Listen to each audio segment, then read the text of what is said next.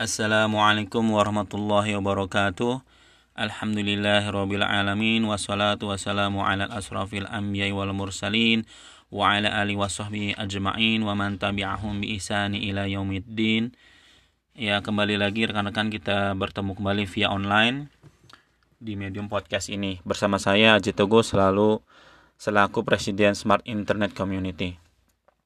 Pada kesempatan kali ini saya ingin berbagi tentang hikmah perjanjian Hudaybiyah.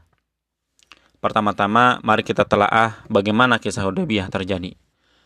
Perjanjian Hudaybiyah adalah perjanjian antara kaum muslimin di Madinah dengan kaum musyrikin di Mekah. Perjanjian yang ditanda, ditanda tangani di lembah Hudaybiyah pada bulan Maret tahun 628 Masehi atau bulan Zulqa'dah di tahun 6 tahun Hijriah. Lembah atau sumur Hudaybiyah ini terletak 22 km arah barat dari Mekah menuju kota Jeddah. Di tahun ke-6 kenabian ini, Rasulullah SAW mengumumkan niatnya untuk melakukan umroh dengan berangkat bersama 1.400 orang sahabat. Tidak bersenjata, kecuali alat atau senjata yang biasanya dibawa oleh para musafir.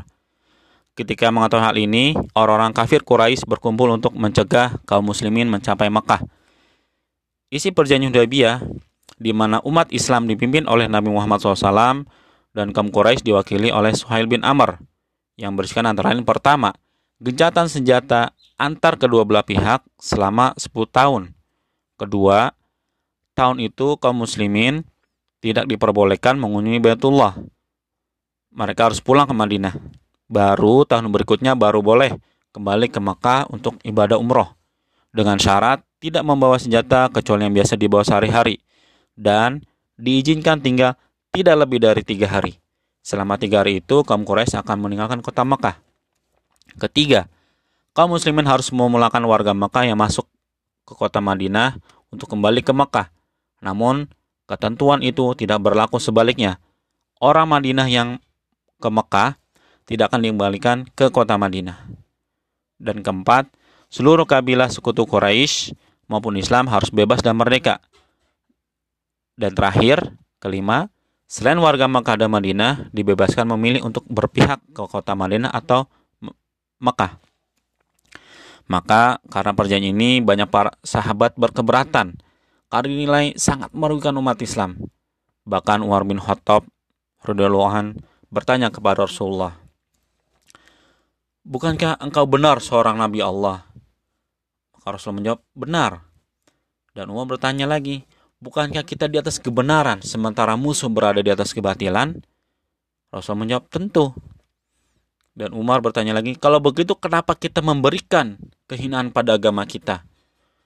Maka Rasul menjawab, sesungguhnya ya yang diabadikan dalam sirah ini Rasulullah sungguhnya aku adalah utusan Allah.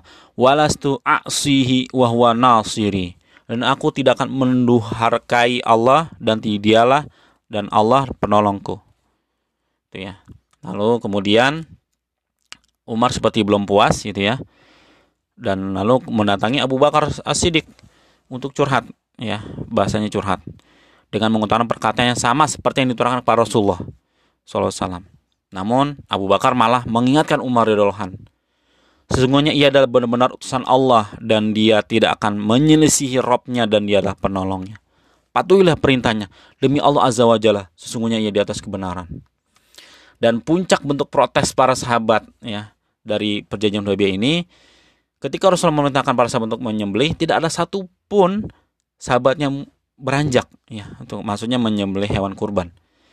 Maka Rasulullah itu mengulangi berarti sampai tiga kali. Tetap tidak ada yang bergeming. Hingga Rasulullah menceritakan hal ini kepada istrinya, Ummu Salamah radhiyallahu anha dan istrinya menyarankan agar Rasulullah melaksanakannya terlebih dahulu. Lalu kemudian Rasulullah melaksanakannya lebih dulu dan sahabat yang melihatnya sontak langsung berdiri dan menyembelih uh, hewan sembelihannya atau al-hadyu. Bahkan dikisahkan sampai sampai terkesan sampai saling bunuh karena uh, saling uh, berebutan gitu ya. Setelah itu baru mereka saling menggundul rambutnya. Lalu Rasulullah SAW mendoakan kebaikan tiga kali untuk orang yang mengundul kepalanya dan mendoakan kebaikan sekali lagi untuk orang yang hanya mendirikan rambut. Di tengah perjalanan antara Makkah dan Madinah tiba-tiba turun firman Allah. Rasulullah kemudian membacakan kepada kaum muslimin ya.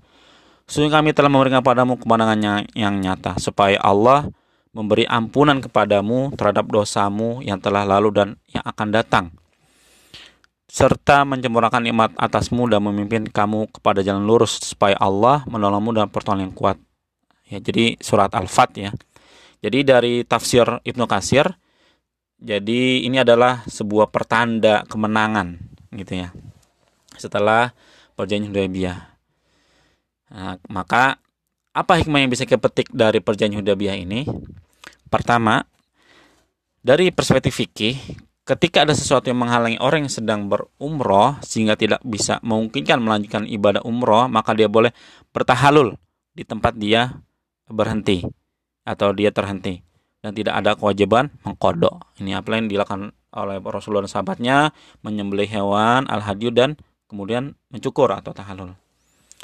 Hikmah kedua, terlaksananya perjanjian damai ini merupakan wujud pengakuan pertama kali kaum Quraisy terhadap eksistensi dan kedaulatan umat Islam.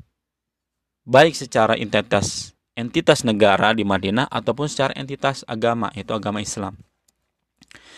Hikmah ketiga, momentum perjanjian Hudaybiyah adalah momentum ekspansif. Ya, jadi bisa kita catat dari sejarah dua bulan setelah Hudaybiyah, Nabi Muhammad SAW mengirimkan surat-surat kepada para raja dan kepala negara seperti Heraklius, di Romawi hingga Kisra di Persia. Salah satu momen terbesar pasca perjanjian Hudaybiyah adalah ketika pasukan muslimin yang berjumlah hanya 3000 mampu memukul mundur pasukan Romawi yang berjumlah 100.000 orang pada perang Mu'tah. Dan sejarah mencatat usai perjanjian perdamaian malah alhamdulillah bismillah Islam tersebar jauh lebih besar. Dan jika jumlah mereka yang datang ke Hudaybiyah hanya 1400 orang, kaum muslimin mencapai 10.000 orang saat hendak menaklukkan kota Makkah atau Fatu Fatu Makkah. Ya. Jadi masya Allah luar biasa tingkat eh, pertumbuhan umat Islam sangat besar sekali. Maka hanya beda dua tahun pasca Hudaybiyah dan Fatu Mekah. Kenapa dua tahun? Pada perjanjian 10 tahun karena umat eh, kaum kafir Quraisy melanggar perjanjian Hudaybiyah itu ya. Itu nanti di bab selanjutnya. Ya intinya Hudaybiyah cuma terjadi hanya kisaran dua tahun saja. Dan apa hikmah keempat? Dari disiplin ilmu hubungan internasional, kisah perjanjian Hudaybiyah ini menjawab pertanyaan bagaimana Islam mengajarkan ya tentang uh, mematuhi perjanjian atau aturan bahwa Islam mengajarkan pada dunia ya, untuk mengikuti kepatuhan atau mengikuti aturan apa? Yaitu ketika sudah melaksanakan atau menyepakati perjanjian maka Islam harus mengajarkan untuk dipatuhi gitu. Sudah akad sudah tanda tangan maka dia harus patuh gitu ya. Maka di sini umat uh, Islam mengajarkan pada dunia pada kita semua mengikuti kepatuhan aturan dan mematuhi norma-norma bersama atau istilah dalam hubungan internasional ini customary law. Itu norma bersama yang yang berlaku yaitu apa dalam ini mengharuskan mematuhi perjanjian Hudaybiyah. Meskipun saat itu di, dinilai merugikan. Ya secara zohor secara kasat mata ini kayaknya oh merugikan banget.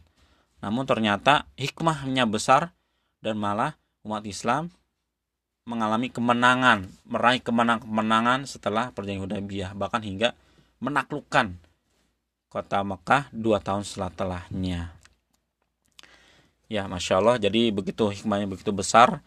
Uh, banyak pelajaran, banyak sekali pelajaran yang kita bisa ambil dari perjanjian Hudaybiyah. Semoga dapat kita ambil petik uh, hikmahnya, pelajarannya begitu banyak sekali.